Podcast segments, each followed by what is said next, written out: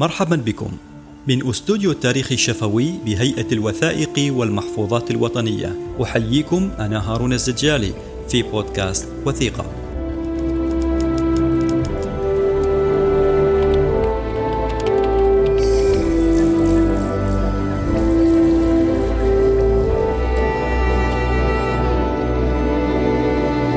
بودكاست وثيقة. عزيزي المستمع اليوم سنتحدث عن معاهدة تاريخية تمت بين محتل شرس وبين شعب أبي رفض الاحتلال وانتفض وغير حاله وحال المنطقة بأكملها. هذه المعاهدة التي لم تصمت أكثر من عام لينقضها المحتل بجبروته ويسقط بعدها شر سقطه.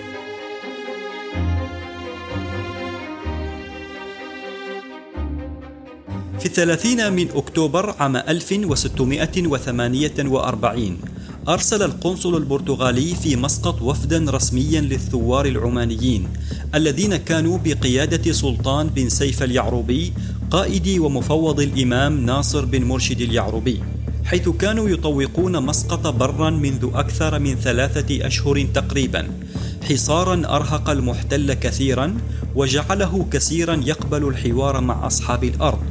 ويتفاوض ويقبل بمعاهدة تاريخية معهم عرفت بمعاهدة ريام. لكن الملك البرتغالي جواو الرابع حين علم بهذه المعاهدة أخذه الغضب كثيرا وأمر بإعدام من وقعها مع الإمام وبذلك تم نقضها. ستعود الذاكرة عند العمانيين قبل 141 عاما من هذا الحدث. وبالتحديد في عام 1507 حين كانت الأدوار متعاكسة مع الفريقين وكان المحتل في أوج قوته وجبروته يحاصر مسقط بحرا وعلى وشك الانقضاض عليها. استيقظ الأهالي يومها وهم في ذعر شديد مع رؤيتهم في الأفق البعيد ناحية البحر وجود أربعة عشر سفينة بحرية مدججة بأقوى المدافع تطورا في ذلك الزمان. لم يهابوا من السفن فهم أهل تجارة مزدهرة والبحر وسفنه يجري في دمائهم. انتابهم الذعر حين علموا أن تلك السفن هي أسطول البوكيرك البرتغالي الذي استولى مؤخرا على سقطرى ورأس الحد وصور وقريات وغيرها من المدن الساحلية بوحشية ودمار. أخذ بعضهم يشد الرحال ويلملم ما يستطيع من مؤونته ويستعد للرحيل. وآخرون تحصنوا ببيوتهم وسدوا فجواتها. أما أعيان البلد وواليها اجتمعوا لينظروا فيما يمكن أن يردع الشر القادم إليهم. ولأنهم سبق وتصالحوا مع ممالك أخرى مثل مملكة هرمز وتفاهموا معهم على التعاون والتبادل التجاري فقد قرروا إرسال ممثليهم ليتفاوضوا معهم على ذلك ويتركوهم بسلام. انطلق المندوبين ناحية السفن رافعين راية بيضاء. في حين ظل جمع من الأهالي على مرسى الميناء يترقبون ما سيسفر عنه الأمر. والأمل يحدوهم على اختفاء تلك السفن من نظرهم بعد حين. شاهد الأهالي السفن تتحرك. فرحوا بأن المفاوضات نجحت.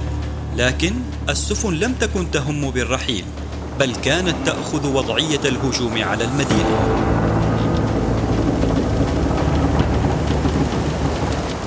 ولأن الوحشية والدموية والدمار ثلاث كلمات رادفت أسطول البوكيرك الغاشم للاستيلاء على أي مدينة ذات بعد اقتصادي يصلون إليها. لم تسلم مسقط منهم أيضا. رفض البوكيرك التفاوض مع المندوبين وبدأت المدافع تدك المدينة دكا غير آبهة ببشر ولا حجر. قاوم العمانيون ببسالة عن مدينتهم فالتحم الجيشان في معركة ضارية وسط المدينة لكن سرعان من هزموا فيها. اشتعلت النيران في كل مكان. أحرقت البيوت والمساجد والأسواق وقتل آلاف الناس وشرد آخرون. استباح البوكيرك لجنوده المدينة ليفعلوا بها ما يشاءون. انطلق الجنود يذبحون الشيوخ والعجائز ويعتدون على النساء ويبقرون بطون الحوامل ويقتلون الأطفال. كانوا يذبحونهم بالسيوف على مرأى أهاليهم ويقطعون آذانهم ويجدعون أنوفهم بوحشية متناهية. ثم وحين نهبوا ما نهبوا من أموال ومتاع أحرقوا ما تبقى منها في المدينة وعلقوا المذبوحين ومثلوا بهم. ثم أغرقوا أربعا وثلاثين سفينة من السفن الراسية في الميناء.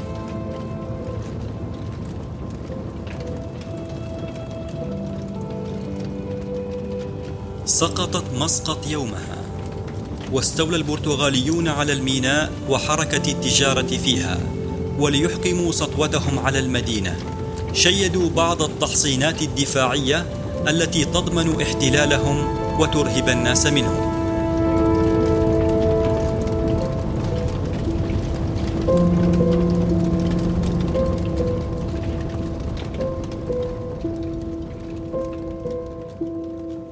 كانت فاجعة خالدة في ذاكرة العمانيين. كانت تلك معركة سقوط مسقط وما بين معركة تحريرها 143 عاما بعد أن آمن العمانيون أن مآل الاحتلال الزوال. وبالعودة إلى المعاهدة التي تمت قبل معركة التحرير كان الإمام العماني ناصر بن مرشد اليعربي يجهز العدة والعتاد لطرد ما تبقى من المحتلين. لكن الأجل عاجله وبقيت أحلامه مع من هم حوله. ليتولى الإمام والقائد العسكري سلطان بن سيف اليعربي مكانه وينطلق مرة أخرى إلى مسقط حين علم بنقض البرتغاليين المعاهدة ويواصل معركة التحرير. كانت معركة ليست سهلة للعمانيين. قلاع العدو منيعة جدا بمدافعها وجنودها المدججين بأسلحة متطورة وتحصينات أخرى مطوقة مسقط. مع بارجتين حربيتين قبالة البحر تستعدان للانقضاض على المدينة في أي لحظة. لكن روح الثوار وعزيمة القائد لا يفلها الحديد. انطلقوا جميعا بروح المنتصرين يتسلقون الأسوار واحدا تلو الآخر. ثم صعدوا ناحية الحصون في الجبال وسقط منهم الكثيرون. ومن بقي منهم استطاعوا مقارعة العدو وتحرير مسقط. هرب العدو وجنوده ناحية البحر إلى البارجتين ثم بدأ القصف منهما شديدا لكن هذا الأمر لم يثني الثوار البواسل عن هدفهم فاتجهوا بقوارب شراعية بسيطة ليتسلقوها بخفة وبراعة ثم أحرقوها وتقاتلوا مع من فيها من الغزاة المحتلين. هنا انتهت معركة تحرير مسقط. سقط فيها من الجنود العمانيين أكثر من خمسة آلاف شهيد فداء للوطن وانتصارا للحق وجهادا لله. كان هذا الحدث في الثالث والعشرين من يناير عام 1650 وهو التاريخ الذي نستطيع القول فيه أنه تاريخ استقلال أول دولة عربية من الاحتلال الأوروبي تاريخ استقلال عمان كاملة من المحتل البرتغالي. عزيزي المستمع لأقرب لك مشهد هذا الاستقلال الكبير دعني أرتب لك الأحداث. في عام 1507 يهاجم البوكيرك مسقط ويستولي عليها وبذلك يكون استولى على معظم أراضي عمان التجارية. في عام 1624 يتولى ناصر بن مرشد اليعربي الإمامة في عمان ويبدأ بتوحيد الصف الداخلي لها. في عام 1633 تبدأ أول مواجهة بين العمانيين والمحتلين البرتغاليين لتحرير جلفار. في عام 1648 وبعد معارك ومواجهات محتدمة بين قوات الإمام وبين البرتغاليين يجبر المحتلون على توقيع معاهدة هدنة في مسقط المعروفة تاريخيا بمعاهدة ريام. وفي العام ذاته ينقض المحتلون الهدنة. يوم الرابع عشر من أبريل من عام 1649 يتوفى الإمام ناصر بن مرشد اليعروبي ويتولى الإمام سلطان بن سيف اليعروبي الإمامة في عمان. وفي الثالث والعشرين من يناير من عام 1650 تحرر مسقط من أيدي المحتلين بعد احتلال دام 143 عاما ليستكمل بذلك تحرير عمان كاملة. ثم تبدأ القوات العمانية بمطاردة المحتلين في كل أرجاء الخليج العربي والمحيط الهندي وإنهاء احتلالهم. عزيزي المستمع، لم تنتهي الحكاية بتحرير عمان من المحتل الغاشم، بل كانت هذه بداية الحكاية التي سنستكمل بقية أحداثها في الحلقة القادمة. تابعونا في بودكاست وثيقة